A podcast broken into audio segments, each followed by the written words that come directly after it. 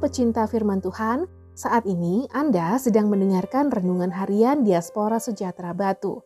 Pembacaan Alkitab hari ini dari kitab Keluaran pasal 32 ayat 30 sampai 35. Keesokan harinya berkatalah Musa kepada bangsa itu, "Kamu ini telah berbuat dosa besar, tetapi sekarang aku akan naik menghadap Tuhan. Mungkin aku akan dapat mengadakan pendamaian karena dosamu itu." Lalu kembalilah Musa menghadap Tuhan dan berkata, Ah bangsa ini telah berbuat dosa besar, sebab mereka telah membuat Allah emas bagi mereka. Tetapi sekarang, kiranya engkau mengampuni dosa mereka itu. Dan jika tidak, hapuskanlah kiranya namaku dari dalam kitab yang telah kau tulis.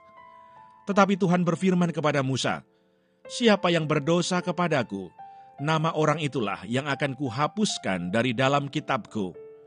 Tetapi pergilah sekarang, tuntunlah bangsa itu ke tempat yang telah kusebutkan kepadamu. Akan berjalan malaikatku di depanmu. Tetapi pada hari pembalasanku itu, aku akan membalaskan dosa mereka kepada mereka. Demikianlah Tuhan menulahi bangsa itu, karena mereka telah menyuruh membuat anak lembu buatan Harun itu. Ayat Mas hari ini dari kitab Keluaran pasal 32 ayat 33. Tetapi Tuhan berfirman kepada Musa, Siapa yang berdosa kepadaku, nama orang itulah yang akan kuhapuskan dari dalam kitabku. Keluaran 32 ayat 33. Renungan hari ini berjudul Delete. Kata delete dalam bahasa Inggris artinya adalah menghapus. Bagi mereka yang suka menulis buku, bisa jadi mereka akan sering menghapus kata, kalimat, atau paragraf yang tidak nyambung dengan kalimat sebelumnya.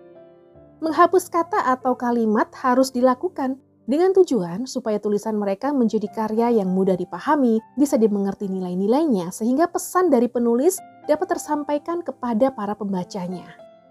Kata atau kalimat yang sekiranya dapat mengubah arti sesungguhnya atau bahkan membuat kalimat menjadi rancu harus dihapus agar tidak menimbulkan masalah dalam mengartikannya.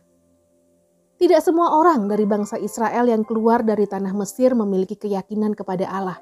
Walaupun telah melihat dengan mata kepala mereka sendiri mujizat yang Allah lakukan, dan bahkan setiap hari mereka melihat hal-hal yang supranatural dari Allah. Oleh karena itulah mereka telah melakukan dosa di hadapan Tuhan.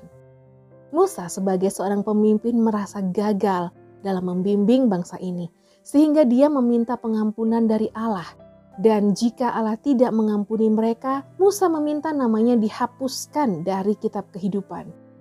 Keputusan akhir dari Tuhan adalah dia hanya akan menghapus nama orang-orang yang melakukan dosa di hadapan Tuhan. Perbuatan dosa selalu membawa dampak yang tidak baik bagi manusia, karena dosa merusak hubungan manusia dengan Allah.